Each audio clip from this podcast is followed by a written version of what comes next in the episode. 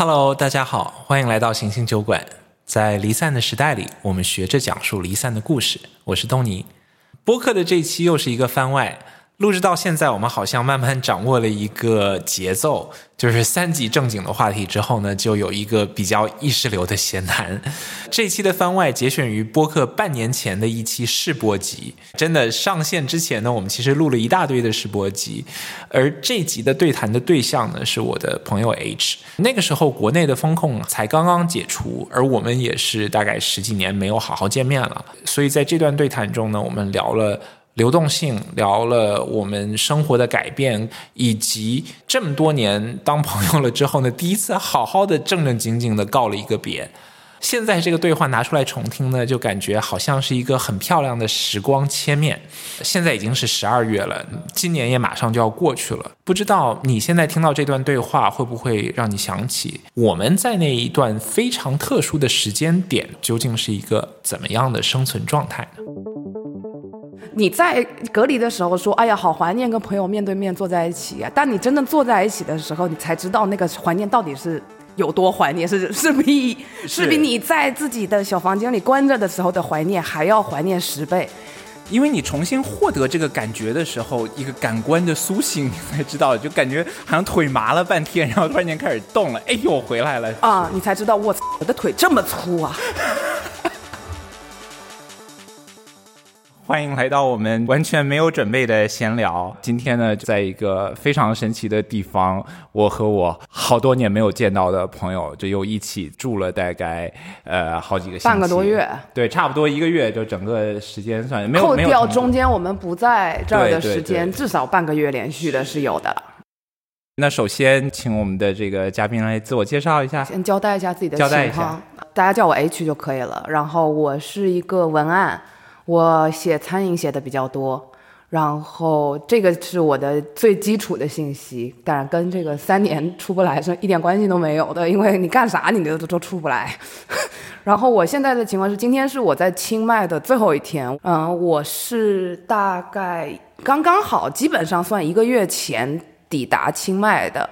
基本上今天四月三号嘛，差不多一个月了嘛，三十天了。另外一个背景就是，H 老师跟我他在经历上有特别多的交集，就曾经我们都是住在香港，然后呢，你你后来去了欧洲，嗯，在伦敦读研究生，然后你在美国读研究生，对。对对，之后就上班了呗，嗯，工作吧，应该说工作了。然后其实我们大学完就没有见过了，是是十几年了，对，这样算起来，真的啊，所以。你要在以前，你会觉得这抬头不见低头见，微信聊一聊，说哎，你来纽约找我呀，或者是说啊，你在北京的时候说一声呀。对啊。但现在，因为我这次，因为我也五年没去香港了，所以我这次的泰国之行是前后都以香港为节点，我是买的是香港往返泰国的票，这样我香港不是就可以七天免费入境的，然后呢？这个重新流动吧，就很好玩。我在香港，我约了已经仅剩不多的朋友们 见面。嗯，因为太多数的香港朋友已经都润了，然后已经润的海角天边，也是一次性也去不了。那，对，当时的背景也是因为那时候国际机票还处于非常高的价位，比如说我们大陆要飞到加拿大什么的，单程经济舱都是直飞的话，那是一万块钱才是。才才去得起的，你没办法说很快的像以前一样啊，上网看看哪儿便宜，进行一场国际的旅行。那个时候就泰国便宜，但现在到四月的时候，国际旅行的价格也慢慢在回落了嘛。然后我在香港见了仅剩不多的朋友，基本上所有的朋友，在见完一面以后，会大家会发消息说，咱再找时间见一面吧。就是聊的不够，就是不够。你但就是其实聊什么呢？也是 catch up。对吧？就是聊过去几年里，哎，谁分了，谁好了，谁肚子大了，谁肚子瘪了，就是没有和以前一样。和以前唯一一个不同的聊天内容就是你什么时候阳的，其他的时间状态只是我们很急切于去补回一段好像就是凭空消失的时间一样而已。其实你那几年大家又能做什么呢？还不是都他妈坐在家里，长了胖又瘦了，瘦了又胖。然后豆瓣一个月标注他妈百八十个电影跟书，你那时候能干嘛？你也没干嘛，对吧？痛苦在都都都痛苦，咱们的谁的痛苦也不比谁的严重，或者都比不不比谁的轻，是或者是对吧？对方方方方面面受到了很多影响，是，所以就是，但是突然间你会对人面对面坐在一起，就是你在隔离的时候说，哎呀，好怀念跟朋友面对面坐在一起呀、但你真正坐在一起的时候，你才知道那个怀念到底是。有多怀念是是比 是比你在自己的小房间里关着的时候的怀念还要怀念十倍。当你见真正见面的时候，那种怀念就更加倍了。因为你重新获得这个感觉的时候，一个感官的苏醒，你才知道，就感觉好像腿麻了半天，然后突然间开始动了，哎呦，我回来了啊，你才知道我我的腿这么粗啊啊！所以这种感觉，包括我在泰国也是，就是正常来说，以我以前可能以前是平常住在北京，我一半的时间是不在北京，到处玩儿，然后或者出差也好，旅游也好，或者把这两个事情串在一起，我怎么可能会给泰国留这么多时间呢？是就是我我以前心目中我要留时间的是啥？是墨西哥啊。是对吧？是安第斯，是啊，我连欧洲都不想留时间，我想留时间给中亚对那边地方待半个月、一个月，印度这种地方没问题。泰国这种闭着眼睛感觉打个车就到的地方，对吧？亚航往返一千块钱不到的机票，对啊唾手可得。你在泰国待个月疯了，这么大好年华在这儿，每天洗两次澡、三次澡的，也但是这次反而不想跳来跳去的旅游了，想第一个的旅游的核心的嗯原则是朋友在哪，我要去哪。嗯嗯为什么呢？就像我刚才跟你说的那种怀念，就是你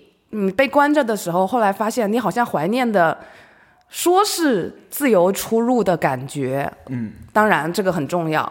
说是哎呀，世世界万花筒，对吧？我想进去看一看，获得新的知识体验。朋友，你很怀念，但是见到以后发现，我可能需需要一些端点和一些方式去开启一个旅行，不是一个可能我看了一篇报道，觉得我操，伊瓜苏瀑布美炸，我去啊。打个卡，反而是我的朋友可能最近正在那儿，嗯，我想跟我的朋友，我认识的人一起去开一个地方，这样不只是我跟这个地方的联系，我朋友跟这个地方的联系，还有我跟我朋友之间的联系，它是一个很多元立体的、丰富的体验。对。因为讲真，尤其是世界又重开了以后，一个人再去一个地方也没有以前那么难了，没有过去三年里面这么难了，就好像就像一九年以前一样，相对比较容易了。即使当然各国旅行之间，你护照对吧、手续、签证，你还是会有各种各样新的流程事情要去走。我又没有一张外交豁免的 护照。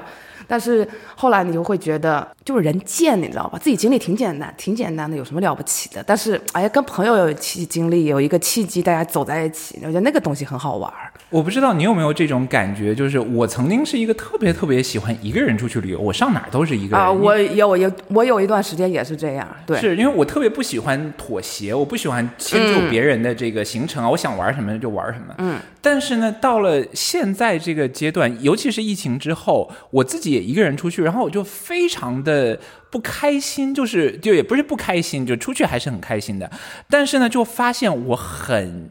想念朋友的陪伴，我就发现我见到的新的东西，可能这些东西之前也都走过这个世界一道了，就就没有觉得特别的开心。但是如果这个旅程是和朋友一起分享的话，那就是完全不一样的事情。所以你是一个在就是比如说。插播一条重要的这个背景知识，这个刚才说话的这个人在自己旅行的时候把腿给菜了，结果后来还是靠朋友送饭把自己又送回了清迈，全程护送。真的，真的，这个故事告诉我们，不要自己旅行了，一把年纪了。我跑到海岛去，然后呢，就是去认识新朋友，在新朋友的摩托车上，然后就膝盖撞到了大卡车，然后最后还是要靠老朋友给我送饭，然后呢，从一个岛送到了另外一个岛，然后呢，再再护送到从这个岛机场，又送到了机场。然后在下了飞机以后，还有一个朋友再从机场送到了家里。是的，是的，是的。嗯，但是抛开 logistics，不不谈哈，嗯就是 H 老师跟我在清迈就是就是狂吃胡吃海塞，H 老师的美食专业在清迈看到了各种各样神奇的店。这一次就是第一次出来旅行，在又在一个国家待了这么长的时间，你的有什么新的感觉？嗯，第一个当然最直接的是你会跟你上次来的时候的印象进行对比嘛。然后我上次到清迈也挺久了，一五年左右，那时候是我其实我挺迟才来泰国，我一五年才第一次来泰国。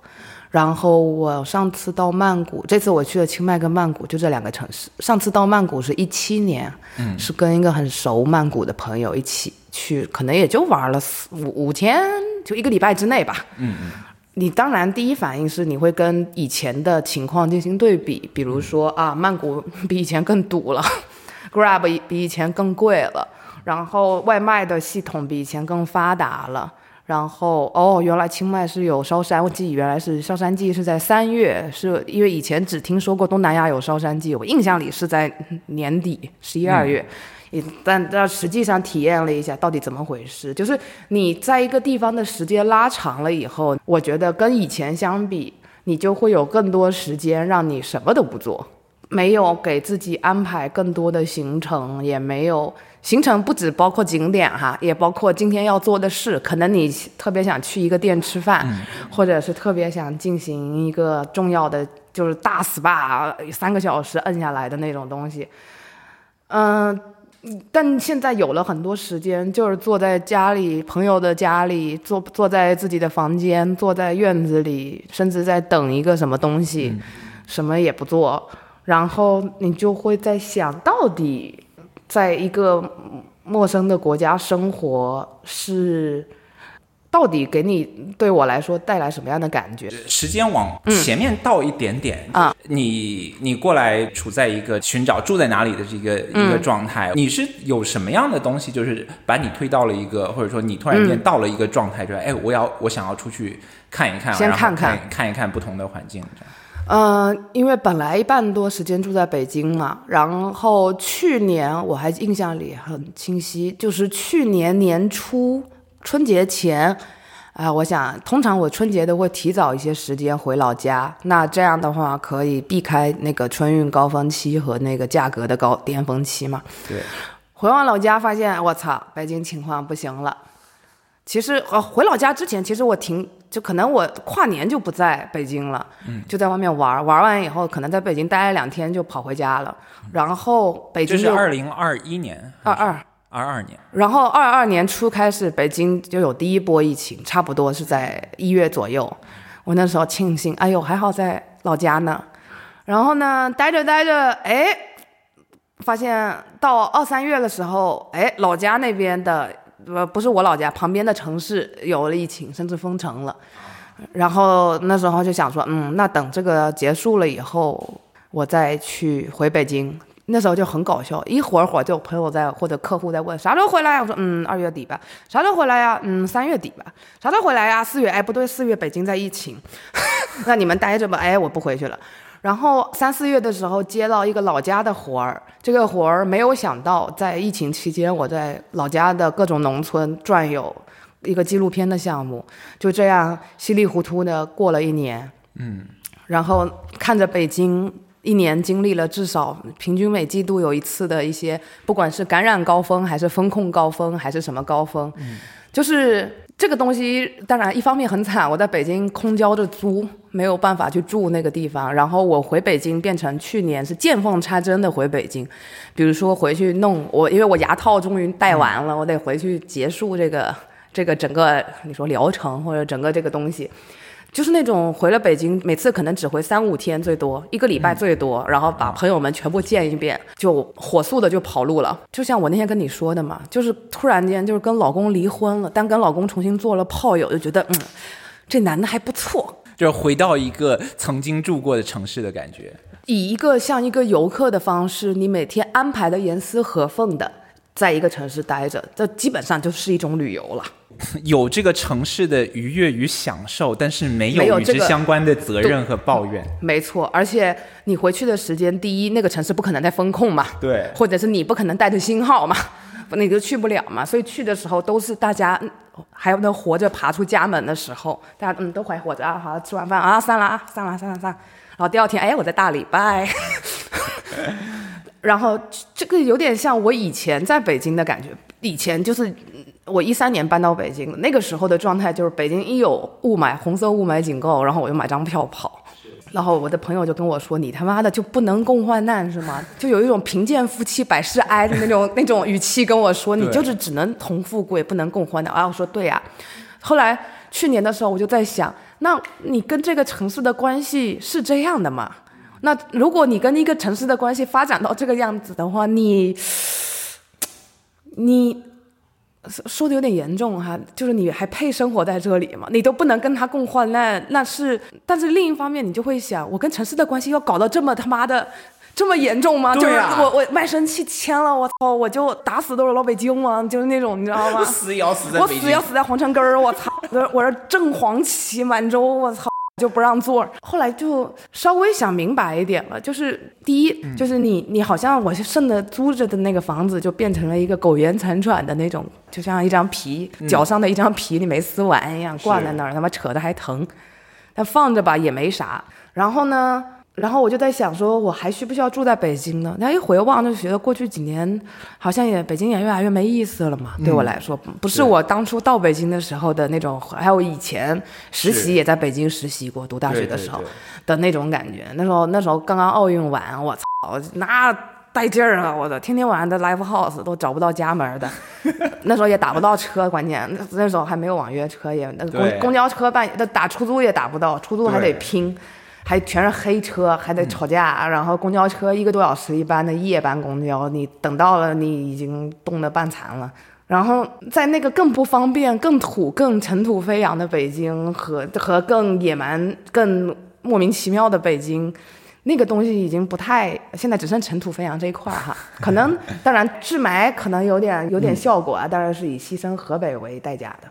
我有在想说，那我要的生活是在选择一个城市生活呢，还是说一个更流动的生活呢？这个是一个特别好的问题，因为我发现，就不管你是在国内还是在国外，就不管你住在哪里，就是我们这几年随着疫情也好，人生改变的也好，都一定要去想想自己和自己居住地之间的关系，以及自己和流动性之间的关系。我是希望能够在，就好像一个蜜雪冰城的连锁店，就是我在这儿可以待一待，在那儿可以待一待，有几个我特别重视的旗舰店。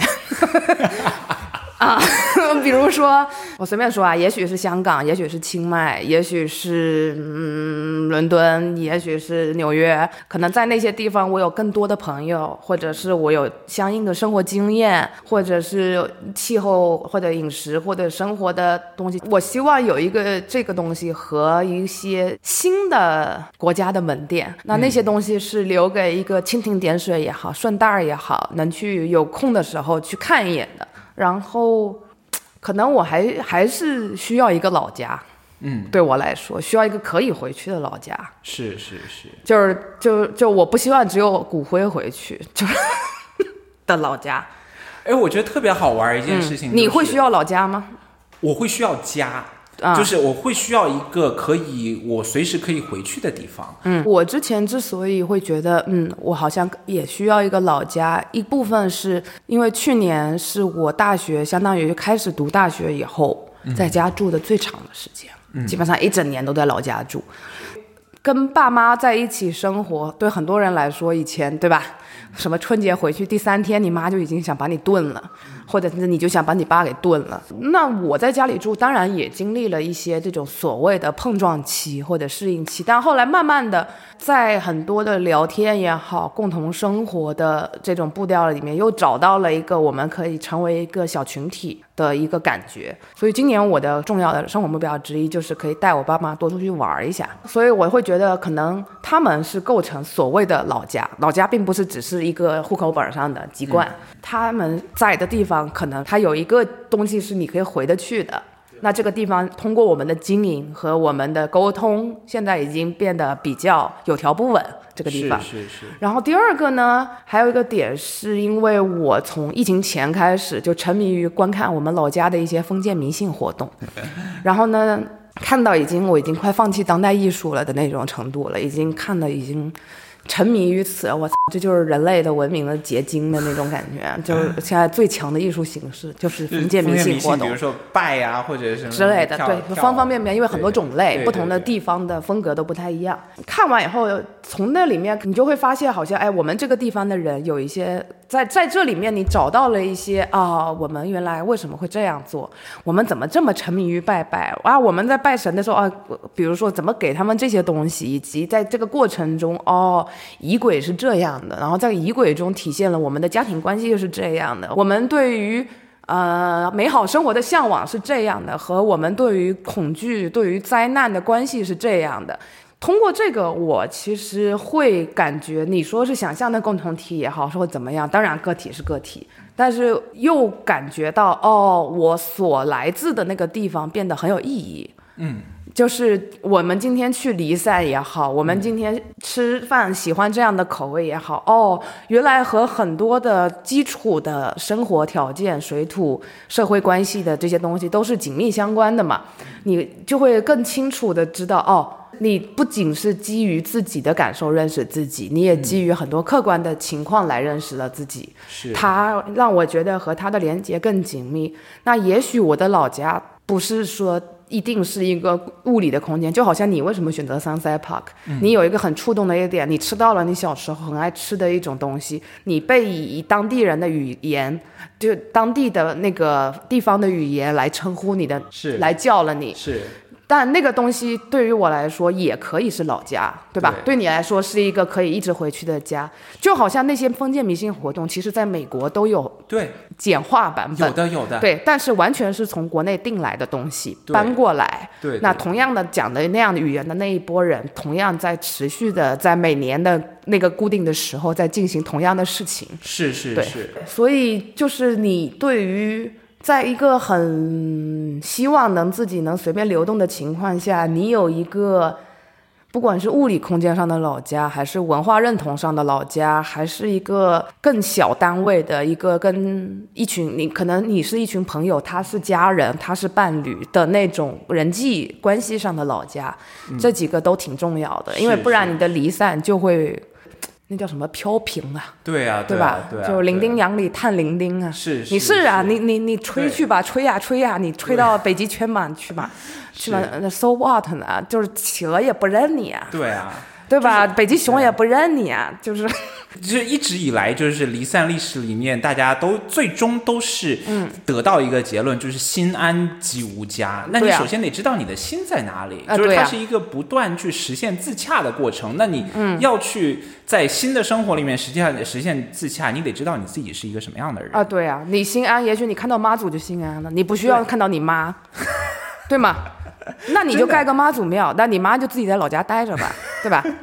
对，嗯，也许你妈都是，就算你妈接来了，你也会发现，哦，原来原来，也许我把妈祖当成了我的妈妈。对所以我去拜她，对吧？对她是一个女性的形象，代表了我的老婆，也许我的妈妈的思念，我的女儿的思念，我的奶奶的思念，不啦不啦不啦。对，那你在这个过程中，慢慢的，也许你的家人在慢慢的团聚啊，也许也许会进一步的离散，但是你大概找到了一个支点嘛，你是是你没有支点，对我来说没有支点就没有离散。对吧？你你离哪儿去？我操！你你就真的是片树叶了。是那树叶还有原来树干呢。我觉得它是有一个进程的，就是当你在出去，当你在离开的时候，啊就是离散，它有分离。当你离的时候，你就一路狂奔，然后各种各样的东西掉了一地。当你真的已经处在一个散的状态的时候，你要把很多你可以摘掉你不喜欢的东西，对。但是你要把对你自己很重要的东西一个一个再重新捡回来。要么捡回来，要么你要做一个，对，你再重新按照你的想法做一个创作出来。创作一个，或者是甚至你就是模仿一个、买一个、戏仿一个、捏造一个都可以，你得有一个。我之前在构思这个主题的时候，就会想，我们大家好多年没见了，聊一聊过去的生活，然后呢，过去经历的痛苦，或者是、啊或者什么，啊舔舔伤口。对，舔舔伤口。但是我突然发现，就是我们现在的这个聊天和这个过去，它不是对立的。其实我们在聊的过程中，它就是这个重新构建生活的这个一部分。嗯，对啊，因为可能以前不会有一个契机让我们聊，哎，就是怎怎么在这儿呢？就是哎，还去哪儿呢？接下来，对吧？是是是是。以前都是在问，都是 check schedule，啊、就是哎，下个月出差去哪儿啊？待多久啊？那对见一下啊，出来吃个饭啊。是是那是一个 schedule，那个不是不是一个生活状态的 check。你过来就是你嗯离境的这一个月之内，你见了很多朋友，也和很多朋友道了别。嗯，这次的道别和之前的道别有什么不一样的感觉？哎呀，说一个，我觉得在清迈都还好。比较那个什么一点的那个离别是我在曼谷的时候，我住在一一对儿朋友家，他们是俄罗斯人，都是女生。哎呀，然后我们以前是在北京认识的，就跟其中一位，然后他带了他自己的女朋友来一起来，所以他那女朋友我以前没见过，只是在他的那个社交媒体上经常看到那个，反正也人也很好。然后就是他，我们以前在北京认识，后来他就去读研，读完他就工作了，然后我们也挺多年没见，可能上次见面可能是大概在一八左右啊。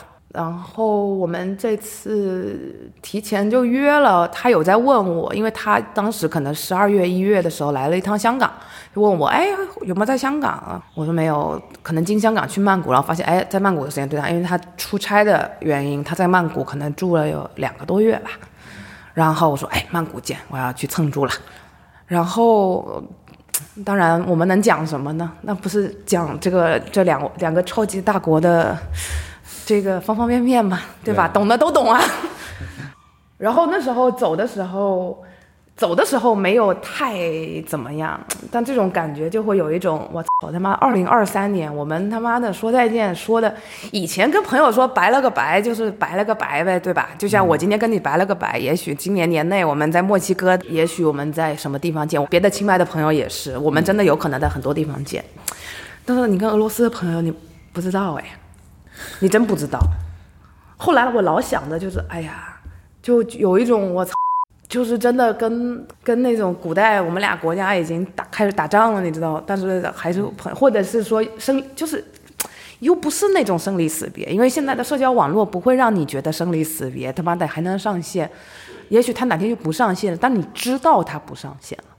就古代你不知道他不上线了，对对你两年后他妈的都尸骨都已经哪儿去了，你才知道他没了，是对吧？是是，但是现在的社交网络，你知道这人上线了和这人下线了，我每天都可以看到他在那边发 in story 也好，或者有的没的，或者随便聊两句也好。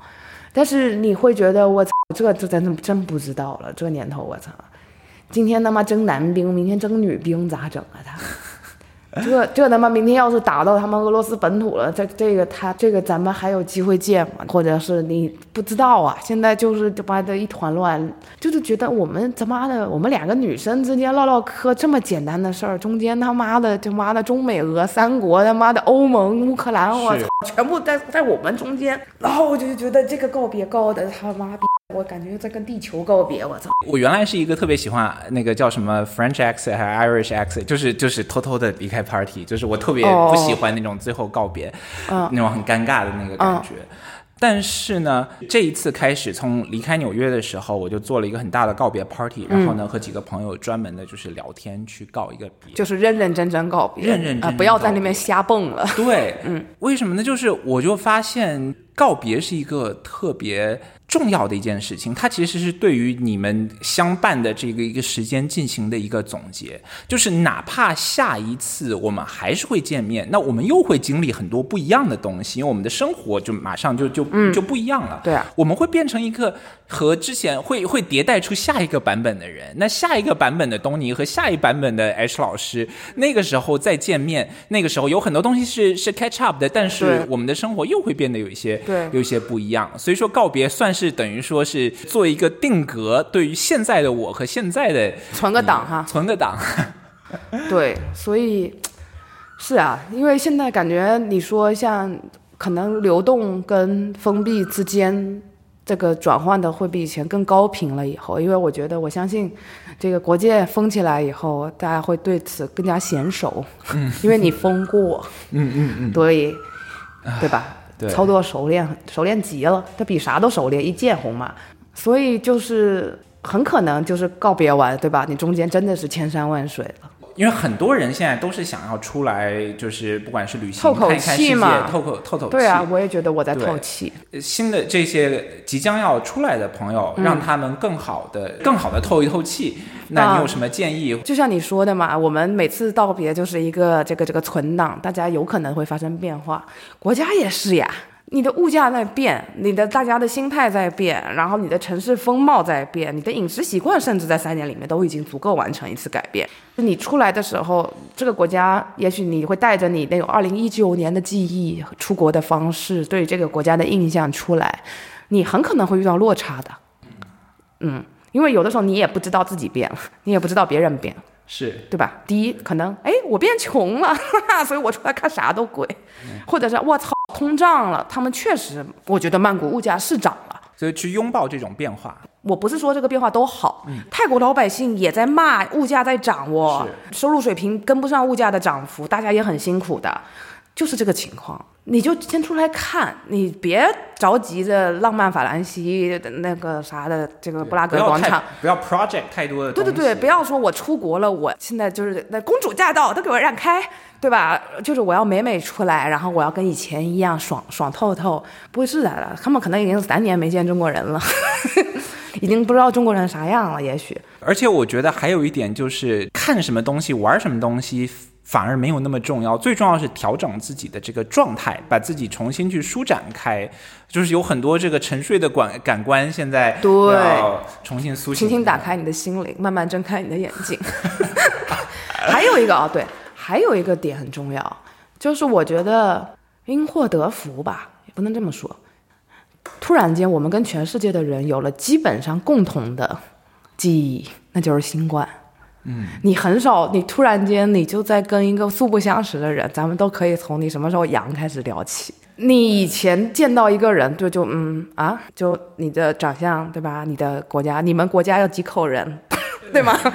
不过这个又让我觉得，就是大家就是这种集体的这个 共同人记忆。人类的共同 trauma，还有很多东西要 unpack，就是大家每个人都经历了。那也好，因为各种不同国家之间你有不同的经历，你以为的国外很嗨，比如说，也许人家放的很早，也许他是那个很担心，觉得政府这样做不对的人。你觉得这个国家被关得很惨，也许这个人甘之如饴，当然原因不不一定，也许他在深山老林里面甘之如饴。对对对对就其实都很难讲，其实这是一个让我们去了解很多具体生活的一个机会。嗯，从你什么时候阳了开始。是是。所以我这次有遇到新的朋友，有不认识的认识的朋友，其实多少大家都会简单问问你的疫情记忆是什么，就是。开酒吧的、开做卖啤酒的老板就跟我说，他妈的，疫情期间的那个现现在泰国是有一个不但不让卖酒的时间点的，嗯，是对吧？就一直是到下午五点才能才能卖。我有一次四点四点五十七，然后呢，这个收银员就是嗯对对着点儿，然后然后对，就是比如说下午五点到晚上十二点可以买酒，然后中午大概有两个小时时间可以买酒，其他时间是不能。这个是疫情才出来的规定，但是疫情结束了，它还延续下来了。然后我就认识的那种啤酒吧的老板叫苦不迭，他说。然后就趁机还骂了一下新国王，这样，偷偷偷的偷偷偷偷骂了一下，然后那这个这些都是很鲜活的、很实际的记忆，然后你就会发现，我操，这什么傻逼规定？老板还跟我说，你看你们中国对吧？随时二十四小时嗷嗷喝。他说，你看中国、日本、韩国太爽了，我现在早上起来就想喝啤酒，你知道吗？他妈的没啤，家里没啤酒我就绝望了，没有。对啊，还好我是卖酒的，是我可以在自己家里偷偷喝，别人我我就是早上要起来喝，你怎么办嘛？所以大家都有特别鲜活的，互相听起来，我操你妈你们那儿也傻逼，哎呦对我们那儿也傻逼，哎，真的就是大家各有各环球同此傻逼，你知道吗？那这个时候，我觉得你会更容易跟人搭建起一个好的关，就是一个很正常的关系。我觉得没有那种很猜疑的东西。当然，你也会见到有的人为自己国家的防疫政策而自豪，是，当然有。那没关系，我可以就是可以听听，你听听嘛。但是我觉得环球同词傻逼是一个特别好的建立新连接的一个方法。对呀，这不就平等了吗？大同了呀，都是傻逼，众生皆，众生皆傻逼，所以挺好的。我所以我觉得反正挺好的。当我们有一个这么新鲜的共识放在那里的时候，也许它会让我们的流动变得更加的好玩。嗯，太好了。呀、yeah,，on that note 就感谢 H 老师。好，聊完了。哎呦我操，被蚊子咬死了。哎呦，赶紧啊西！